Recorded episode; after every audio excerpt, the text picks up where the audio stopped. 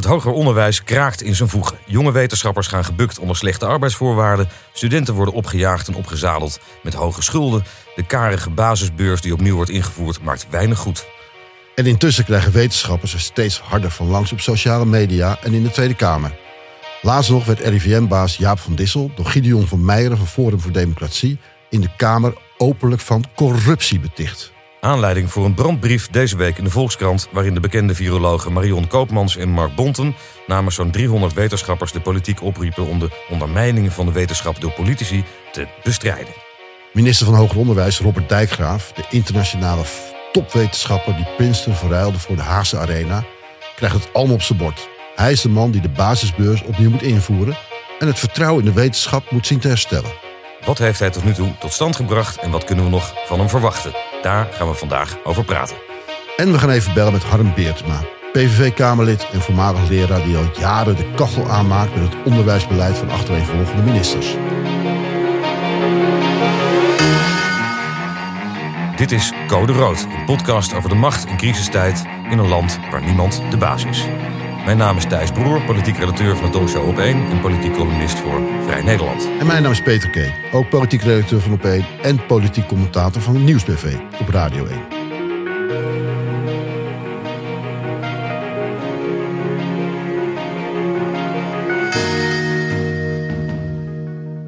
Maar eerst gaan we het nog even hebben over andere actualiteiten. Het is tegenwoordig overal code rood, eh, Peter, lezen we in de krant. Ja, ja, ja het was echt, echt eh, overal kwam je het tegen. De Telegraaf bijvoorbeeld, die hadden het over code rood in zwarte zomer. Dat ja, vakantiegangers gaan op Schiphol een zwarte zomer tegemoet, schreven ze. Met juli als slechtste maand. Zo blijkt uit een interne planning van de luchthaven. Een zwarte zomer. Dat is wel heel somber gesteld, hè? Ja, En Benschop ging volledig op de grill hè, in de Telegraaf. Waar is Benschop toch? En dan Ja, zag je hem zitten in zijn bootje. En Ja, dat is dus een, een foto van een hele tijd geleden van Koninginnedag. Dat hij op Koninginnedag met zijn, met zijn vrouw en zijn, zijn kind aan het varen was. Nee, nee, nee, dat was een paar weken geleden. Ja, maar is met koning, Ja, koning-. Koningsdag hè, dat tegenwoordig. Ja, dat, oh, Koningsdag. oh ja. Ja, dat- maar dat, dat mocht dus ook al niet meer. En tussendoor was hij ook nog op vakantie geweest naar Portugal. Schande, schande. En een prijs in ontvangst nemen in Washington. Terwijl, precies, terwijl die, al die arme mensen daar op Schiphol in de rij stonden in de regen. Ja, de Telegraaf was hem echt het opknopen. Barbertje moest hangen. Ja, daar kwam het op neer. Het gaat overigens in het oorspronkelijke verhaal, heb ik nog even opgezocht. Is het helemaal niet Barbertje die moet hangen, het is Lotario die moet hangen. Ik ben zo blij dat je dit vertelt. Ja. En wie is Rotario dan? Lota nou ja, dat is een, een, een figuur die voorkomt in de Max Havelaar van Multatuli, waar deze passage vandaan komt. Maar het ging dus al, het misverstand ontstond dus al, omdat verkeerd in, eh, in de volkscultuur terechtgekomen is over wie het zou gaan. Enfin, de bonden en de SP tamboureren al jaren op die slechte arbeidsvoorwaarden van het grondpersoneel. Maar die, de aandacht daarvoor die kwam pas eh, toen er lange rijen stonden. En Daniel Koerhuis, het VVD-Kamerlid, daar op tijd bij was. En sprak van vreselijke tafereelen op Schiphol. Precies, die toen de volle laag kreeg in allerlei talkshows, ook bij ons. Eh, omdat, hij, eh, dat, ze, dat, dat, er toch, dat er toch oorlog was in de Oekraïne. En kon hij dit nu verschrikkelijk noemen. Want er waren erger dingen in de wereld. Ja, en achteraf moeten we misschien nog een klein beetje... Ja, die woorden zou ik nooit gekozen hebben. Maar hij was er op zich vroeg bij om te signaleren dat er wel echt wat misging daar. Ja, dat is waar. Misschien moeten we hem toch eens uitnodigen voor deze podcast. Wie weet Laten wat we er dat gaat gebeuren. Eh, maar nu geldt, hoe dan ook, Dick Benschop kreeg de schuld. Hè? Van de week moest hij in de Kamer zich komen verantwoorden. Ja, dat is ook terecht toch, Thijs? Eh, hij heeft er een puinhoop van gemaakt. Dus Ja. Hij zit er al jaren en hij, krijgt is- maar niet, krijgt ja. het meer, niet aan de gang. En hij, ondertussen steekt hij zes ton in zijn zak. Ja, hij is natuurlijk wel... ehm, Per jaar. verant- ja, hij is natuurlijk, ja, het is ook zo. Maar hij is, ja, dat is weer een andere discussie natuurlijk. Maar hij is natuurlijk, hij is natuurlijk de verantwoordelijke man als de grote baas van Schiphol. Aan de andere kant, op, al- op talloze luchthavens over de hele wereld is het een puinzooi. Hè? Dus hij is, eigenlijk, hij is niet de enige die de sjaak is. Eh, en er liggen ook een paar diepere oorzaken onder... waar hij persoonlijk niet zo heel veel aan kan doen. Het is de, o- het is de Rijksoverheid die er in de tijd... eh, de staatsbedrijven van Schiphol de markt op heeft geschopt. Met tot gevolg dat ze uiteindelijk eh, via openbare aanbesteding... deals hebben gesloten. Met weer tot gevolg dat mensen aan de onderkant van de, van de arbeidsmarkt worden afgeknepen. Oké, dus dat het ligt weer buiten beeld. eigenlijk aan... Want ik, ik was erbij toen hij die commissie toesprak. De commissievergadering waar hij eigenlijk verantwoording aflegde aan de Kamer. Mhm.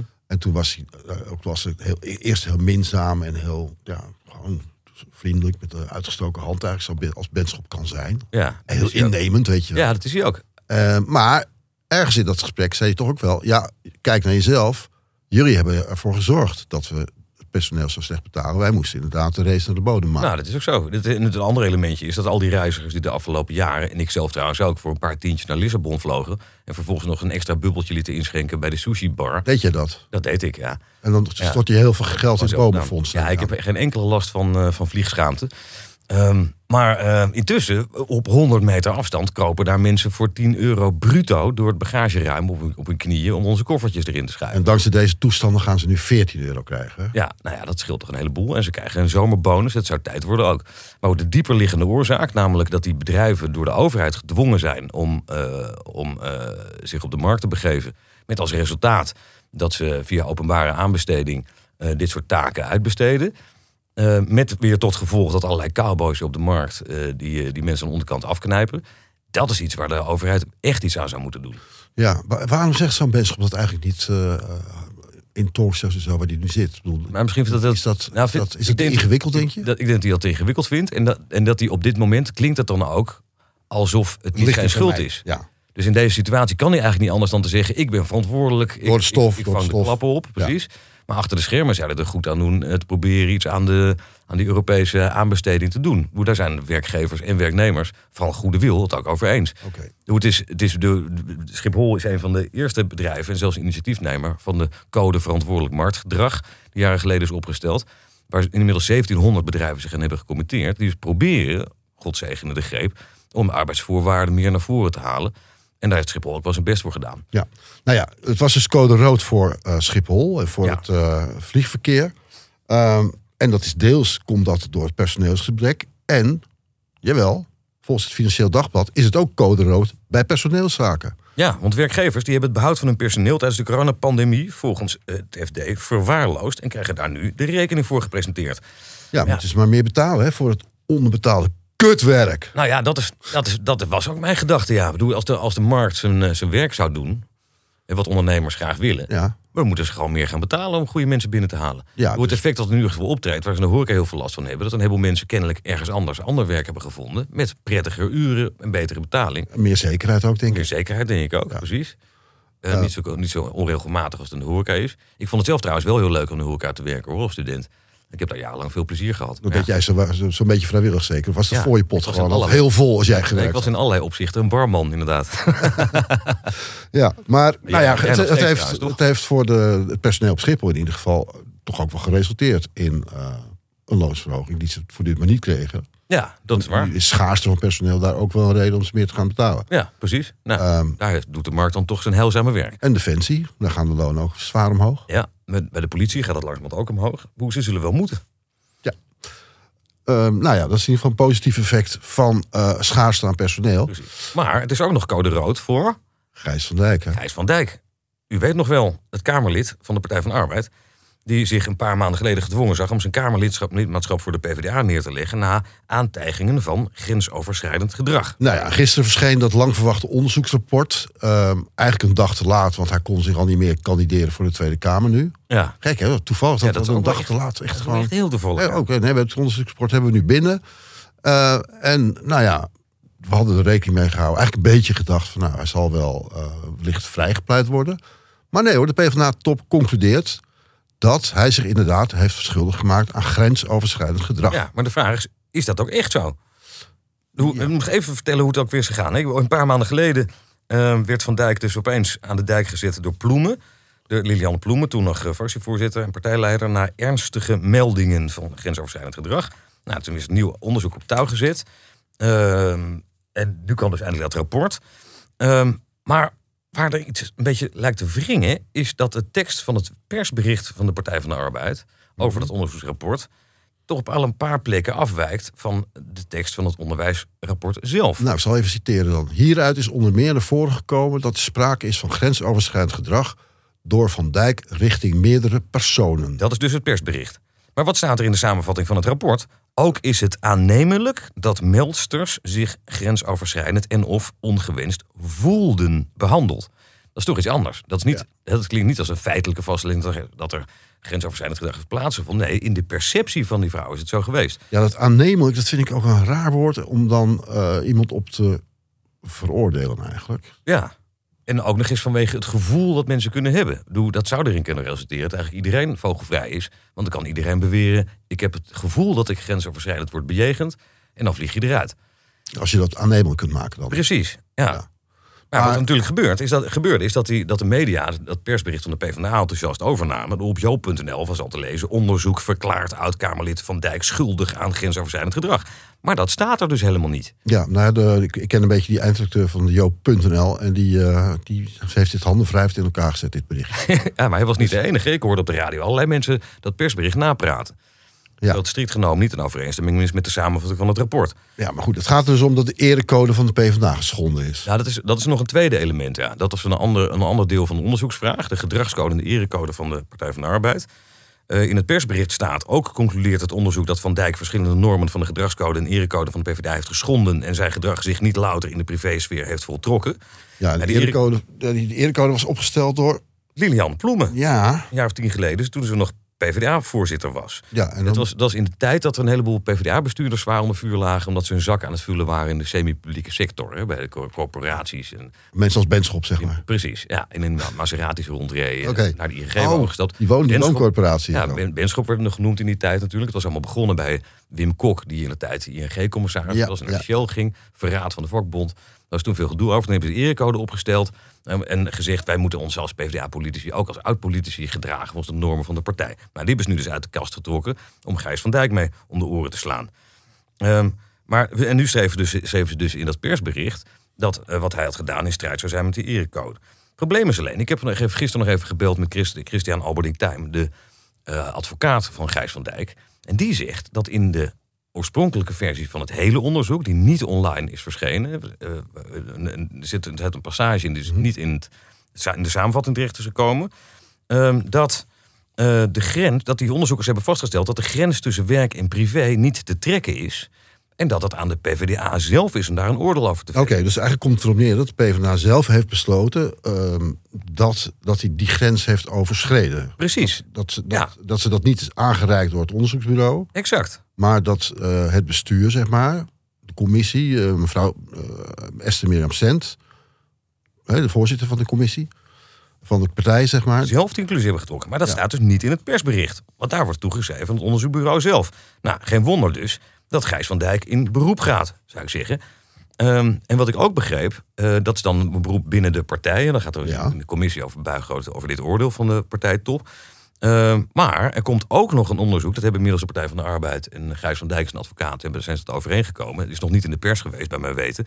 Is dat er een onafhankelijke rechter onderzoek gaat doen naar de door de PvdA gevolgde procedure. Oké, dus we hebben hier een, eh, een primeur eigenlijk. Een Eh, onafhankelijk rechter gaat onderzoek doen. Heb jij vernomen van de advocaat. Precies. En het zou zomaar kunnen dat die, eh, dat die onafhankelijke rechter die tekst ook naast elkaar ligt. Zoals wij en zoals een heleboel anderen ongetwijfeld ook al hebben gedaan. En wij als uh, dat amateurjuristen zien al wat, wat mankementen laat staan. Dat is een onafhankelijk rechter die gaat zien natuurlijk. Nou, het zou zomaar kunnen dat die rechter er ook geen spaan van heel laat. En dat zou dan, op papier als, althans, alsnog eerherstel voor Gijs van Dijk kunnen betekenen. Nou ja, goed, daar zitten wel een paar aannames in natuurlijk. Dat is ook zo. Uh, maar de PvdA is nog lang niet van deze affaire af. Dat blijft nog even achtervolgen. Dat kunnen we in ieder geval vaststellen.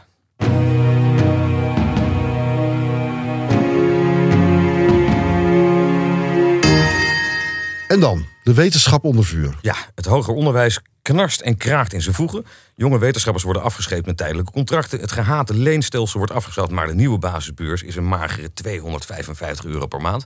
Ook een beetje zuinig. Mijn eigen oudste dochter gaat volgend jaar studeren. Die mag er best wat meer bij krijgen, vind ik. En van de week kwam het nieuws dat intussen het collegegeld met 400 euro per jaar omhoog gaat. Mag ik ook gaan betalen? De, nou, die compensatie van die tussengeneratie. Ja, daar heb jij weer last van. Ja, jouw zoons ook. zijn allemaal bijna klaar met studeren. En hebben, nou ja, zijn bezig met studeren. Maar die hebben allemaal schulden gemaakt. Mijn oudste zoon heeft eh, heel wat schulden gemaakt inderdaad. En die krijgt maar liefst 1400 euro terug dan voor vier studiejaren. studiejaren. Hij, heeft er, hij heeft er veel langer over gedaan. Maar Ja. goed. Ja, als je, je krijgt dat maar maximaal voor vier. Het is gemaximeerd op vier studiejaren. Want als je het binnen vier jaar af hoort te maken, krijg je Ja. dus 1400 eurotjes terug. Ja, dat is wel Veel- echt een... en wat, hoeveel, hoeveel studieschuld heeft hij opgebouwd inmiddels? Ik wil het niet weten. Ik wil het ook niet vertellen. Maar ik denk dat het in ieder geval boven de... Laat ik zeggen. Ik vrees dat het boven de 50.000 euro is. Jezus, hij is bepaald niet de enige. Er zijn tienduizenden studenten die met zo'n schuldenlast zijn opgezaald. En die krijgen dan 1400 eurotjes van Robert Dijkgraaf. Oei, oei, oei. oei. Ja. Nou, intussen liggen wetenschappers ook nog eens steeds zwaarder onder vuur in sociale media en ook in de politiek. Daar gaan we het over hebben. Van de week kwam dus die ingezonde brief van Marion Koopmans en Mark Bond in de Volkskrant. Hè? Ja, en uh, nou ja, goed, mede namens 300 andere wetenschappers uh, deden ze een oproep aan de politiek om krachtiger stelling te nemen tegen politici die hun parlementaire immuniteit misbruiken om ongefundeerde beschuldigingen en verdachtmakingen tegen wetenschappers te uiten. Ja, dat is die, nou, die parlementaire immuniteit, dat, dat, dat moeten we misschien even uitleggen. Dat, dat zit, zit zo in elkaar dat, dat parlementariërs, ingezworen parlementariërs in het parlement, in principe in vrijheid alles moeten kunnen zeggen. Maar in de Tweede Kamer, hè? In de Tweede Kamer, ja. ja en dat is een, dat is een daarbuiten kun je wel degelijk problemen krijgen met de woorden die je bezigt. Maar in de Tweede Kamer moet je alles kunnen zeggen. Precies, en dat is ook een groot goed omdat je uh, uh, niet om politieke redenen anderen de mond moet kunnen snoeren. Ja. Ze moeten in vrijheid kunnen spreken. Maar er is al maanden en al jaren zelfs discussie over, over het steeds grovere taalgebruik. En de laatste maanden wordt dan nog uh, steeds sterker. Vooral door Forum voor Democratie, waar ze niet op hun mondje gevallen zijn. Nee, nou, een aanleiding was nu dus Gideon van Meijeren, die, die, die uh, namens Forum sprak. En uh, altijd als het tandjes hard in Jaap van Dissel zet. Ja, Van Dissel van, de, van het RIVM. Ja, die natuurlijk uh, het OMT leiden en uh, nou, voortdurend zichtbaar was in de coronacrisis. Of meer zichtbaar, vooral achter de, achter de schermen zichtbaar. Ja. Um, nou ja, en die werd in de Tweede Kamer door Van Meijeren van corruptie beschuldigd omdat hij rapport had laten beïnvloeden door de ambtelijke top. Ja, nou dat laatste was feitelijk vastgesteld. Dus dat, dat, dat bleek ook onderzoek te Die corruptie, dat, bedoel je? Dat, nee, dat top. Dat, nou, niet, ja. niet in die woorden. En dat is precies waar het om gaat. Ja. Um, het was inmiddels wel aangetoond en algemeen bekend dat topambtenaren van VWS hadden geprobeerd en er soms ook in waren geslaagd om uh, de rapport van het OMT te beïnvloeden naar hun hand te zetten. Dat hoort natuurlijk helemaal niet, want het werd altijd gepresenteerd als onafhankelijk onderzoek. En op de achtergrond speelde ook nog eens mee dat het RIVM zelf die OMT-rapporten ook nog eens in de richting schreef waar ze het zelf heen wilden hebben. Ja. Diederik Gommers, wel bekend, die heeft wel vaker dingen uitflapt, was zelf ook OMT-lid. Die heeft dat vorige week nog in een podcast verklaard.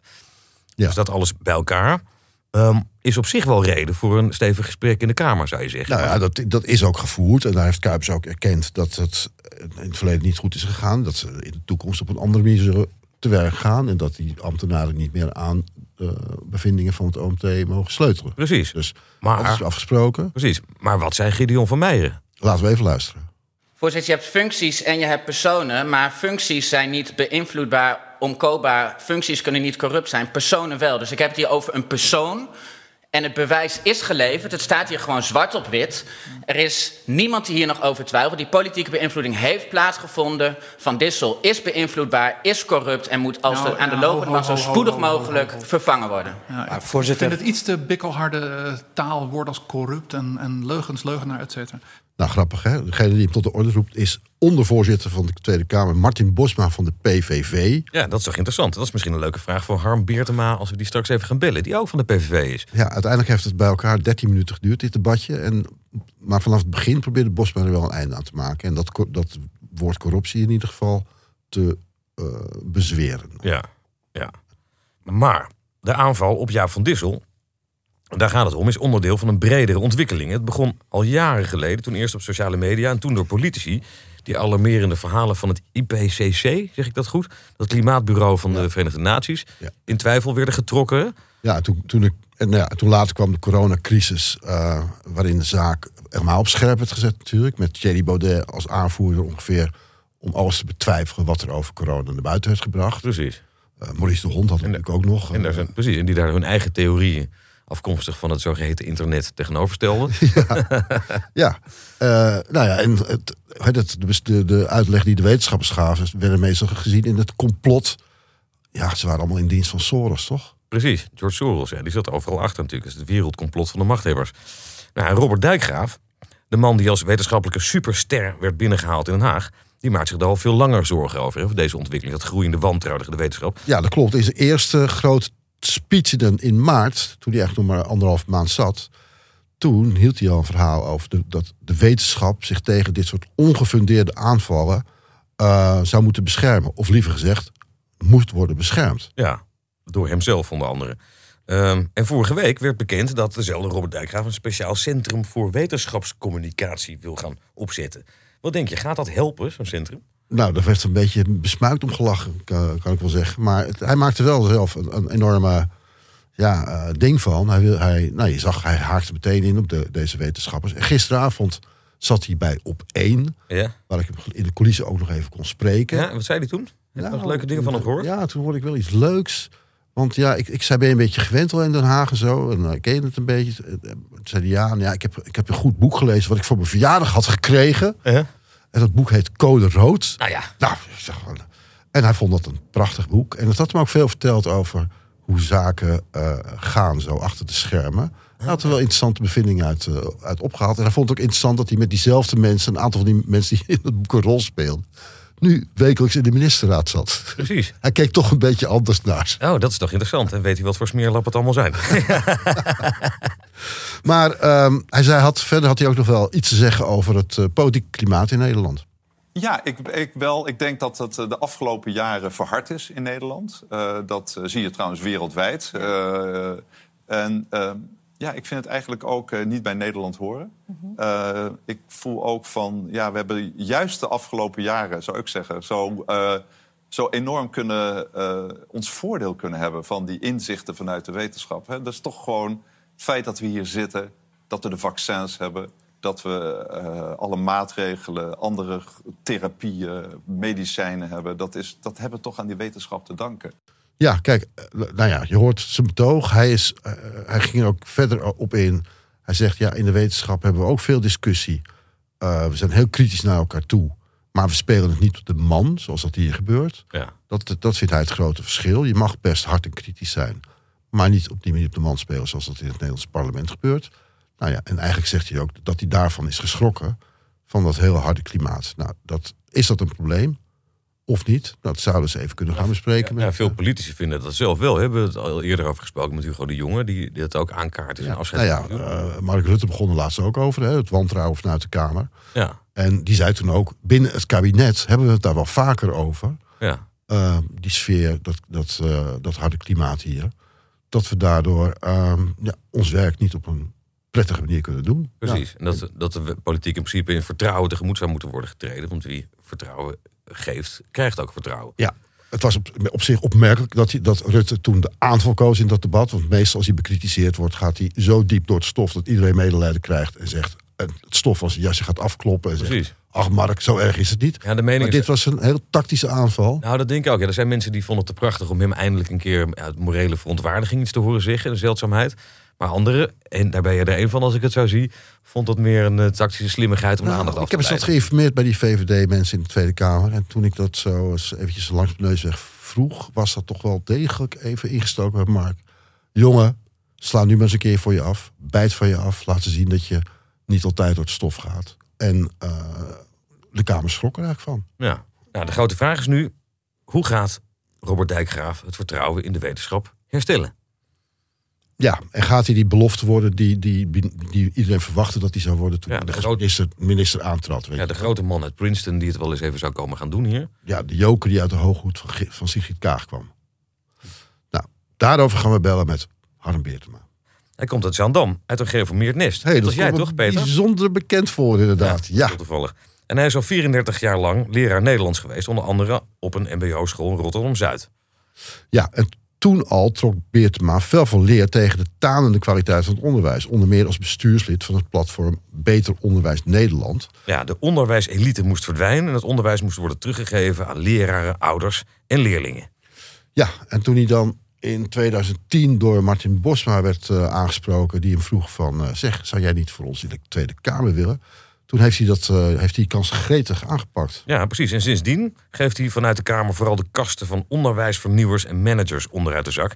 En niet te vergeten de opeenvolgende onderwijsministers. Ja, die volgens hem geen peuk in een pakje boter slaan. Precies. En de vraag is nu, wat vindt hij van de wetenschappers die zich in toenemende mate bedreigd voelen door politici? En wat vindt hij van de optreden van Robert Dijkgraaf? De man die het vertrouwen in de wetenschap moet gaan herstellen. Even bellen met Harm Beertema. Yes, Harm, goeiedag. ja. Peter K. hier. Ik zit hier samen met Thijs Broer. De Harm. En om actueel te beginnen, van de week kwam die brandbrief van Marion Koopmans en Mark Bonte. En 300 andere wetenschappers die zich daarin konden vinden. En die vinden dat de politiek de wetenschap moet beschermen tegen ongefundeerde aanvallen uit de Tweede Kamer. Wat dacht je? Kun je daarin vinden? Nou ja, het is nogal wat hè, als je als, als, als groep wetenschappers uh, je richt tot de politiek. Hè. Je zou als wetenschapper juist ver van die politiek moeten blijven. Maar ja, goed, kennelijk vinden ze het nodig om, uh, om dat toch te doen. Ja, ik vind het. Uh, nou ja, ze moeten doen wat ze, wat, ze, wat ze moeten doen. Maar ik vind het wat overdreven allemaal. Het is allemaal wat, wat selectief, vind ik. Ik vind het allemaal wat. Nou ja, weet je. Kijk, aan onze kant van het spectrum worden we al, nou ja, al tientallen jaren belaagd door allerlei wetenschappers die met allerlei pseudo-wetenschappelijke argumentaties uh, de PVV tot, tot fascistisch verklaren en zo. Hè. Ik heb het nog eens opgezocht, maar in 2016, ja. notabene, heb ik een, een, een column geschreven op de Post Online naar aanleiding van, van iets van uh, wat de rector magnificus van Nijmegen tijdens de opening van een academisch jaar had gezegd. En dat zal ik even citeren. Hij zei toen in zijn plechtige toespraak hè, tot al die hoogleraren daar. Meer dan ooit heeft Nederland een nieuwe universitaire elite nodig die het land bij de hand neemt en het populisme van Geert Wilders en de onzekerheid die dit oproept een halt toe te roepen. Ja, dat is nogal wat, weet je. Nou ja, dat is geen fascisme. Hè. Dat gaat, dan gaat het over populisme. Nee, dat is heel iets anders dan fascisme. In, naval, in navolging daarvan kwam bijvoorbeeld uh, Paul Frisse, hè, hoogleraar, notabene aan de, aan de, hoe heet die school, de, de Nederlandse School voor Openbaar Bestuur, hè, aan de politieacademie doseert die man die, uh, die heeft ook weer daarna een, een, een, argumentatie gevoerd dat de PVV een fascistische partij was. Letterlijk met die woorden? Uh, met die woorden, ja zeker. Rob Riemen, Rob Riemen heeft ooit een boekje geschreven, zogenaamd gratis, waarvan 150 exemplaren werden uitgereikt aan Kamerleden notabene. Uh, en dat boekje heet De eeuwige terugkeer van het fascisme. Dat waren wij. Mm Dat waren wij. Ik heb toen tegen Paul Frisse in dat artikel gezegd, uh, als, als conclusie, hoor, je moet doen wat je wil, maar gebruik nou niet je, je wetenschappelijke status uh, om, om, om de mensen ervan te overtuigen dat, dat wij fascisten zijn. He, daarmee ben je een, een wegbereider voor de volgende volken van de graaf. Maar, maar jij vindt dus, ja, ik kan me iets bij die argumentatie voorstellen, maar, je, maar vind je dus eigenlijk dat wetenschappers die dan zelf weer onderuit de zak krijgen vanuit de Kamer, onder andere van jullie, dat ze dan ook minder moeten piepen? Nou, ze krijgen van ons niet onderuit de zak, toch? Nou ja, kijk, laten we even teruggaan naar het voorbeeld wat zich, wat zich voordeed. Ja. Gideon Vermeijeren zei, Van, ja, Diesel, van Diesel is corrupt. Ja. Nou, dat is, ja. dat is een beschuldiging, toch? Ja, die is niet van jouw dat, partij. Dat is, een, dat is niet van mijn partij en hij moet dat helemaal zelf weten. Hij heeft dat beargumenteerd. Nou ja, goed, daar komt een enorme ophef over. En ik begrijp, ik begrijp je ophef ook wel een beetje. Maar ik vind nogmaals, ik vind het heel selectief. Nee, maar even, even, even, heel, even, heel, kort, heel kort nog even dat moment. Want jouw okay. partijgenoot was voorzitter toen. En die zei, ho ho, die woorden wil ik, ja. die mogen hier niet gebruikt worden. Uh, greep in. Nou, en dat heeft hij terecht gedaan, denk ik. Ja, dus corruptie, iemand van corruptie beschuldigd in de Tweede Kamer. Waar je alles mag zeggen wat je wil, in feite. Mag allemaal best, maar dan moet je het ook wel heel erg hard kunnen maken. Ja, dus dat, op die manier mag je, elkaar, mag je niet over een ja. wetenschapper praten die daar niet aan ik word, ik word, ik word voortdurend voor, voor racist, nazi en fascist uitgemaakt. Mogen mensen doen, maar dan nodig ik ze wel uit om het te onderbouwen. En dat gebeurt nooit. Nee, maar nu, nu ga je meteen weer terug naar jezelf. Maar dit, dit ja, wat daar gebeurde was niet goed. Nee, dat, dat mag ook. Maar um, in de Tweede Kamer word je ook niet voortdurend voor fascisten uitgemaakt. Nou, het scheelt niet heel veel natuurlijk. Nee, maar de letterlijke woorden niet, toch? Nou, even kijken. Heeft Denk het wel eens gedaan. Er staat er niet helemaal bij, maar het zat er wel heel dicht tegenaan in ieder geval. Nee, maar het FNV, hè, de, de, de, de Onderwijsbond, heeft dat uh, bij monden van een, van een officiële woordvoerder wel gedaan. Beertema is een fascist. En Marokkaanse leerlingen ziet hij als minderwaardig. Dat heeft, hij, dat heeft hij gezegd. Sindsdien heb ik ook geen contact meer gehad met de AOB. En ik heb zelfs bij Jinek toen nog uh, om, om, om, of om onderbouwing gevraagd of om excuses. Ja. Nou, daar, daar is het nooit van gekomen. Maar ik geef daarmee aan, als, ik, het is maar een voorbeeld van, van hoe wij voortdurend, hè, niet alleen wij, maar ook Forum, voortdurend worden weggezet als, als bruin, als, anti-rechtsstatelijk, als, weet je, we hebben daar veiligheidsproblemen door.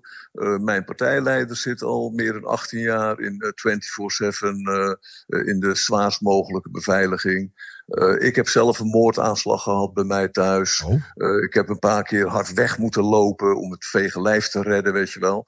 Ik bedoel, dat zijn allemaal verschrikkelijke dingen. Je zegt even tussendoor moordaanslag bij je thuis. Hoe heeft er iemand bij je Ja, thuis gestaan voor de deur? iemand heeft mijn auto onklaar gemaakt die op mijn oprit stond. En toen ik wegreed, brak het wiel af. En dat had potentieel eh, levensgevaarlijke gevolgen kunnen hebben. Oh, Weet je, dat soort dingen, dat, dat, dat overkomt ons. En dat komt nooit in de media. Niemand heeft er aandacht voor. Iedereen gaat eraan voorbij. Heb je er wel zelf- fakkel- Heb je zelf wel veel rugbaarheid aan gegeven? Wat zeg je? Heb je daar zelf wel rugbaarheid aan gegeven? Nee, want ik heb toen met, met, met dat eh, team bedreigde politici gezeten en zo. En die, nou ja, die suggereren toch van geef er maar geen, eh, geen eh, doe het maar niet in de openbaarheid, want het brengt mensen weer op ideeën en zo. Dus wij zijn er altijd tamelijk discreet over geweest. En dat was om politieke motieven, dat weet je wel. Dat, ja, dat was een politieke motief, absoluut. Ja, dit is natuurlijk een krankzinnig. Het is schandalig dat zulke dingen gebeuren. Maar de andere Ja. kant ervan is, en dat is, dat is dus, kan je ook begrijpen dat mensen vinden dat, eh, dat de PVV daar vaak ook zelf wel heel hard ingaat. Want Jullie hebben natuurlijk ook al jaren hele onbarmhartige dingen gezegd over moslims en over de islam, over migranten die er niet thuis horen, over politici die lafaard zijn. Eh, jullie zijn er zelf ook niet op je mondje gevallen. Nee, nou ja, goed, wij, wij, wij, eh, wij grossieren in, in ruige standpunten en ruige, ruige uitspraken. Dat geef ik onmiddellijk toe. Eh, dat wordt ook van ons verwacht. Maar wij gaan nooit over de grens. En ik al helemaal niet. Van mijn collega's, daar sta ik ook voor. Weet je, die, die- die doen dat ook niet. Eh, alles wat wij in ons partijprogramma hebben staan, ja, ik vind dat buitengewoon fatsoenlijke, rationele standpunten. Eh, of het dan gaat om, om die ongebreidelde massa-immigratie, waar iedereen dagelijks de, de, de, de grote ellende van ondervindt. Weet je, waar niet op ingegrepen wordt, wat totaal uit de hand loopt. Nou ja, kijk, Eh, nou, nou maar één stikstof voor, gaat, als ik ook één of voorbeeld, als ik ook één Ja. voorbeeld mag geven, dan de kop voor de tax. Ik vind dat geen, eh, geen mooie term. Nee, is ook geen mooie term. Dat Nee. ben ik met je En eens. minder, minder, minder Marokkanen laten scanderen. Dat werd voor veel mensen ook niet zo chic gevonden. Nee, oké, maar eh, daar, zijn- daar is een hele rechtszaak over geweest. En eh, dat heeft zijn eh, besluit gehad. Maar eh, je moet wel begrijpen dat heel veel mensen van ons, hè, die begrijpen die uitspraak heel goed. Ik persoonlijk zelf ook. Absoluut. Oké. Kijk, ik, eh, kijk wij. Ik, Maar wij dat- de rechter heeft dat, heeft, heeft dat veroordeeld. hè? Maar jij, jij staat er nog steeds achter. Wat, wat heeft hij veroordeeld? De rechter heeft toch die minder minder eh, uitspraak van de. eh, Volgens mij niet hoor. Er zijn een aantal aanklachten geweest en op eentje is er een schuldig uitgesproken, geloof ik. De rest niet. Maar ja, goed, daar wil ik het nu helemaal niet over hebben, want dat is, dat is ver van mijn bed. Ik, heb daar, ik ben er ook helemaal niet bij betrokken geweest. Maar het gaat natuurlijk om die, om die selectieve verontwaardiging. Dat al die hoogleraren onmiddellijk in de houding springen. Als, als ze eindelijk tegengas eh, krijgen, hè, dan is het land te klein. En wat ons altijd overkomt, dan hoor je ze niet. Dijkgraaf wil ook een, een centrum voor wetenschapscommunicatie opzetten. Ja. Om de wetenschap Ja. beter over het voetlicht te brengen. Wat vind je daarvan? Nou, weet je, eh, als ik. Ik heb daarop gereageerd al op Twitter en zo. Maar weet je, dit is. Ja, je hebt gezegd dat het niet alleen is- overbodig en gevaarlijk was, maar dat het ook dédain naar de wetenschap zelf is. Leg Ja, dat natuurlijk. Ja? Ik, ik, kijk, ik ben geen wetenschapper. Ik, ik vertrouw er juist op dat iemand als Dijkgraaf met zo'n zo'n gerenommeerde wetenschapper, met zo'n staat van dienst, hè, dat hij de wetenschap ook echt toegenegen is. Maar wat je hier doet, is dat je de staat, de overheid, de opdracht geeft om toe te zien op wetenschapscommunicatie. Wetenschapscommunicatie is ontzettend belangrijk. Maar weet je aan wie je dat moet overlaten? Aan wetenschappers, aan wetenschapsjournalisten. Die weten echt wel wat ze doen. Weet je, maar hij wil daar dan een, trekt er 10 miljoen zelfs vooruit, geloof ik. Een centrum, een staats, een staatsorgaan, wat toezicht gaat houden op wetenschapscommunicatie. Ja, dan, dan, dan, dan ben je echt van pad af, vind ik. Ja, maar hoe, moet het vertrouwen in de wetenschap dan wel worden hersteld? Dat moet de wetenschap zelf doen. En dat de, de overheid moet daar op, op hele grote afstand van blijven. Want juist die verstrengeling tussen de overheid en de wetenschap. die heeft er nou juist voor gezorgd, ook in die COVID-periode, dat het, dat het wantrouwen enorm toenam. Ja. Er werd ontzettend slecht gecommuniceerd, weet je. En uh, nou ja, kijk, uh, de, de, de, speech van, van uh, Gideon Vermeijer erop na. Dat zijn, die heeft natuurlijk wel een punt. Er zijn natuurlijk een aantal dingen helemaal scheef gegaan. En, en dan, de kern daarvan je, is dat de, overheid, dat de overheid ja. een veel te dikke vinger in de pap heeft bij die wetenschap. Die wetenschappers die worden uiteindelijk betaald door die overheid. Dus die, die, die, die zijn veel te gedienstig naar die overheid. He, er blijft heel weinig van die vrijheid van die wetenschappers over. En dat is. Want je bedoelt ook dat ambtenaren de, ambtenaren de teksten corrigeerden of af en toe woorden aanpasten. Bijvoorbeeld, ja, dat, dat, dat, dat kan natuurlijk niet. Nee. Maar je eigen partij speelt, wel het net al even over. Hè? Je eigen partij speelt er ook een rol in dat tanende vertrouwen in de wetenschap. Jullie trekken natuurlijk al jaren van leer tegen klimaatwetenschappers en tegen, jij zelf ook tegen onderwijskundigen. Ook, ook om inhoudelijk goede redenen hier en daar natuurlijk. Maar ook tegen migratiedeskundigen, tegen virologen in de coronacrisis. Ja. Als je dat vertrouwen zou willen versterken, zouden jullie dan niet zelf ook een beetje gas terug moeten nemen af en toe?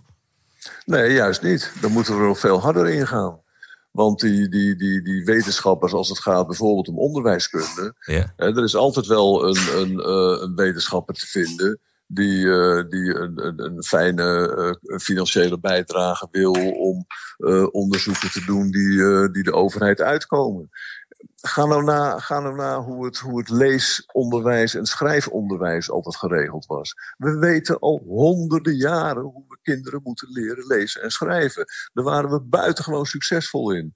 Maar ja, dan komen er allemaal van die nieuwlichters. Hè. Ik noem ze altijd de broodprofeten van de vernieuwing. Hè, want ze verdienen er ontzettend veel geld aan die, die, die, die kruipen dan toch te veel naar die overheid toe. Om die overheid te pleasen met allerlei modellen die lerarenluw zijn. Hè, waar, waar leraren nauwelijks meer aan te pas komen. Ja. En dan krijg je die, die gedrochten als leerpleinen bijvoorbeeld in die mbo's.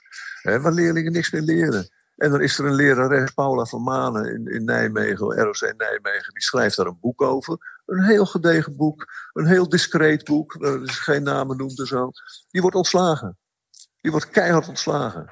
Weet je, dat is de situatie waarin we zitten op dit moment. En die wetenschappers die misdragen zich, wat mij betreft, op een ongehoorde manier. door al dit soort methodieken en didactieken te sanctioneren. Hè, met, uh, ze gaan elkaar een beetje peer reviewen en zo, weet je wel. En dan, en dan is er weer een, een, een, nieuwe, een nieuw onderwijsmodel bedacht. Maar het is ook niet zo gek dat er enige vernieuwing plaatsvindt in dit onderwijs. Harm, je kunt niet zeggen van nou, dus we hebben het honderd jaar geleden bedacht, zo moet het. Weet je, het onderwijs zoals we dat hadden, dat heeft ons in de, in de top 10 van, uh, van, van uh, al die uh, internationale vergelijkingen gebracht. Dat is al jaren niet meer zo. We zijn daar ontzettend uit, uit weggezakt. Dat model wat we hadden, dat onderwijsmodel, dat hadden we moeten houden. En alles wat daar mis in is, dat ga je dan met kleine stapjes, kleine verbeteringen verder per perfectioneren. Maar dat gebeurt in het onderwijs nooit. In het onderwijs heb je altijd weer een nieuwe lichting die zegt van alles moet anders. Nou ja. Snap je? En dan moet alles weer anders. Er moet alles op de schop. Kijk, wat, kijk, wat die Dijkgraaf gisteren zei, uh, die, ja. die was wel gewend aan het, uh, aan het wetenschappelijk discours, zeg maar. In de wetenschap wordt ja. ook uh, gediscussieerd, maar niet op de man. Je gaat inhoudelijk de discussie aan. Ja. En zei hij ook dat, ik, dat hij geschrokken was van het harde klimaat in de politiek hier in Nederland. Begrijp je dat? Geschrokken. Ja, dat begrijp ik wel.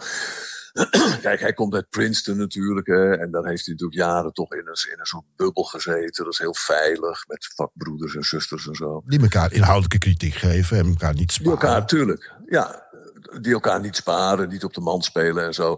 Ik vind het op de man spelen overigens ook wel meevallen hier in de politiek, maar dat is wat anders. Maar goed, dan, komt hij, dan wordt hij uitgenodigd om hier uh, dat ministerschap uh, te, gaan, uh, te gaan doen. Toen moest hij nog lid worden van D66, hè? dat begreep ja, ik. Ja. En nou ja, ik, ik denk dat hij vanuit Amerika ook die ontwikkelingen niet zo bijgehouden heeft. Ik denk dat hij nog steeds gedacht heeft dat D66 een, ja, een soort club was van, van bedaagde, pijprokende intellectuelen. Van die tweetjasjes, weet je wel. Ja, maar is ook zo. Een beetje Oh, nee, hij, hij komt er nu toch achter dat, dat, dat, dat D66 de, de meest geradicaliseerde partij is die we in Nederland hebben. Weet je, ze zijn zo mogelijk nog, nog, nog erger dan, eh, dan GroenLinks. Maar in welke opzicht is dat dan eh, zo, Harm? Nou ja, kijk, dat, dat, dat hele liberale wat ze ooit hadden, hè, in, de, in de gouden tijd van Hans van Mierlo en zo, ja, dat is natuurlijk zo verschrikkelijk voorbij. Dat, uit de tijd dat jij nog twijfelde of je op D66 ging stemmen met Hans. Ja, ja, inderdaad. Ja, dat klopt wel. Maar als je nu ziet, dat, dat- weet je, dat zijn toch, toch, toch behoorlijk totalitair denkende mensen. Ja, vind je eh, die dat? heel erg. Nou ja, kijk, als ik, ik was toevallig in de Kamer toen ik Tjeerd de Groot op de kansel hoorde staan. Die ineens zei, we gaan de boerenstand halveren. Nou, maar ander voorbeeld. Wacht even, minister Kuipers. Fuck, dacht ik, wat wordt hier gezegd? Ja, maar minister Kuipers heeft onlangs gezegd dat het coronabeleid toch, eh, nou, dat hij het rustig, dat hij het rustig aan gaat doen en dat het eigen verantwoordelijkheid is. Hoe liberaal wil je het hebben? Nog eens? Nou, coronabestrijding, zeg maar, de volgende pandemie, die gaat hij bestrijden door mensen hun op eigen verantwoordelijkheid aan te spreken. Nou, Ja, dat heb ik ook gehoord. Ja, liberaal. Ja, nee, maar het is toch Hans Mierlo, ja. eh, Ja, nee, maar dat, dat, die hele coronaportefeuille, dat is de mijne niet gelukkig. Daar prijs ik me gelukkig mee. Maar ik zie het wel op het gebied van onderwijs bijvoorbeeld. Eh, Dan zijn we terug bij Robert Dijkgraaf. dan zijn we terug bij Robert Dijkgraaf, eh, maar ook bij, bij de woordvoerders voor het, voor het basisonderwijs, voortgezet onderwijs. Als ik dan hoor hoe D66 plannen heeft om, ze noemen dat een heel sympathiek, de rijke schooldag. Maar ja, wat dat is, dat, is, dat zijn gewoon een soort opvoedingskampjes waar leerlingen van 's morgens vroeg tot 's avonds laat zijn. Waar sportfaciliteiten zijn, eh, waar eh, les gegeven wordt, waar eh, kinderoppas is, waar huiswerkbegeleiding is. Weet je, dat is, ja, dat is, eh, staat zo ver van ons bed. En staat zo ver van onze ideeën van onderwijs af. Hè, waar ouders nog bij betrokken zijn, bij opvoeding en zo. En eh, ja, dat, dat, dat, dat vind ik hele vergaande ideeën die echt eh, raken aan, aan, aan diep socialistische wereldbeelden waar ik. eh, Maar, maar wel bedoeld om, om de leerlingen verder te brengen, toch? Het zal, het zal toch de goede bedoeling hebben? Of denk je, geloof je Ja, dat niet? tuurlijk, tuurlijk. Daarom heet het ook een rijke schooldag. Weet je? Dat klinkt heel sympathiek. Wie wil dat nou niet? Maar, dat, maar die ouders zijn wel hun kinderen kwijt de hele dag. Nou, ja, heel veel ouders Morgen vinden het heel vroeg. En, een heel, en eh, ja, nou ja, weet je, een heleboel ouders ook niet. Weet je, de opvoeding wordt eh, de, de ouders uit handen genomen op deze manier. Als ik zie wat er gebeurt in scholen op het ogenblik, als het gaat over die, met die genderdiscussie en met de, de, de transactivisten die daar toegang krijgen. Als ik zie hoe drag queens uitgenodigd worden voor voorleesuurtjes voor, voor zes, zeven, achtjarigen. Weet je, dat, is, dat gaat alle perken te buiten. Nou, als, ik het zo, als ik het zo hoor, Harm, dan heb jij de, de- Robert, Robert Dijkgraaf werd als de grote belofte binnengehaald. Als de man die alles anders zou doen, die de wetenschap zou komen redden. Eh, maar jij hebt er nu een half jaar of zo van nabij meegemaakt. Je hebt, er, je hebt eigenlijk het gevoel dat hij zich al zo door het systeem heeft laten inpakken... dat er toch niks eh, zinnigs meer uit zijn handen gaat komen straks. Is dat, Dat gevoel heb ik. Dat is de conclusie. Ja. En wat, wat, wat mij betreft kunnen die volgende verkiezingen, als het over onderwijs gaat, niet snel genoeg komen. Nou, dat is een heldere conclusie. In ieder geval. En we hadden eigenlijk ook niet anders van je verwacht. Want je bent altijd heel luid en duidelijk in je opvatting. Oké, goed zo. Eh, dank zeer voor je tijd. Oké, graag gedaan. Dankjewel, Harm. Tot ziens. Hoi. Hey. Zo Thijs, heb je, heb je wat geleerd van eh Harm Beertema vandaag? Nou, hij heeft al een paar zinnige dingen gezegd. Zoals wat hij zei over de broodprofeten van de vernieuwing. Ik, daar, daarin vind ik Harm Beertema eigenlijk gezegd... heeft hij wel zinnige punten en zinnige bijdragen in de Kamer. Jaren geleden was al de commissie Dijsselbloem... misschien kan je het herinneren... die zich boog over de onderwijsvernieuwingen van de jaren daarvoor. Ze stelde vast dat die onderwijsvernieuwingen eigenlijk geen moer hadden opgeleverd... Eh, en dat het hoog tijd was om even een tijd lang geen grote systeemhervormingen eh, door te gaan voeren. Maar in het onderwijsveld blijft het maar doorgaan met die onderwijsvernieuwers die keer op keer op keer weer met nieuwe plannen komen om eh, het onderwijs weer anders te gaan organiseren en met aan nieuwe eh, ideeën te komen. En dat is natuurlijk wel een soort verlammende ziekte. En daar hebben leraren verschrikkelijk veel last van. Die willen gewoon die kinderen leren lezen en schrijven. En dat mag allemaal niet. Het moet allemaal telkens weer nieuw en maar de anders. maatschappij verandert enorm. Ehm, dan is het toch niet zo heel gek als de basis van die maatschappij, ik bedoel, waar mensen opgevoed worden en eh, dingen worden bijgebracht, dat dat, dat, dat ook Nou, moet veranderen. nou, dat is precies het punt. De basis van, dat, van, de, van de maatschappij is lezen en schrijven. En als ze dat al niet meer leren, dan gaat er iets structureel mis. En dat is dus schuld van alle mogelijke onderwijsvernieuwing... die telkens Nou, meer je kunt ook mensen zeggen, door de schuld worden geduwd. schuld de mobiele telefoon die jij in de handen van je dochtertje drukt als ze vervelend is. En eh, zegt, "Ver- vermaak jij het daar maar even. Ja, uiteindelijk zijn we allemaal medeplichtig. Dat is absoluut waar. Ja. ja, dan moet ik het podcast voorbereiden. Dan denk ik, ga maar rustig even op je iPad zitten. Zo werkt het ook wel weer. Maar met een aantal andere dingen die Harm Beerten maar zei, die, die, die, eh, daar wringt het toch ook wel een beetje. Op, wat hij vertelde overigens over dat er een moordaanslag op zijn persoon was gepleegd. Dat had, heeft hij nooit nou eerder verteld. Dat, dat ze de wielen hadden gedemonteerd. Dat, ze, dat het een ongeluk met dodelijk afloop had kunnen worden. Bijzonder opmerkelijk verhaal inderdaad. Dat is ook zo. zo ja, dat is natuurlijk verschrikkelijk dat dat gebeurt. Ik bedoel, is ook weer niet zo verbazend. Geert Wilders wordt ook al die jaren nog bedreigd. Al twintig jaar of zo. Moet continu beveiligd worden waar hij ook komt. Dat is natuurlijk verschrikkelijk. Wat overigens voor veel meer politici geldt op dit moment. Hè. Ik bedoel, menig minister wordt ook beveiligd op Ja. dit moment. Dus Ja. wat dat betreft is er wel, Ja, is er wel de Jonge, Ernst Kuipers. gaande. Ja. Ja, ze hebben allemaal eh, bewaking om zich heen tegenwoordig. Ja. Het klimaat wordt op, dat ook in dat opzicht steeds onbarmhartiger.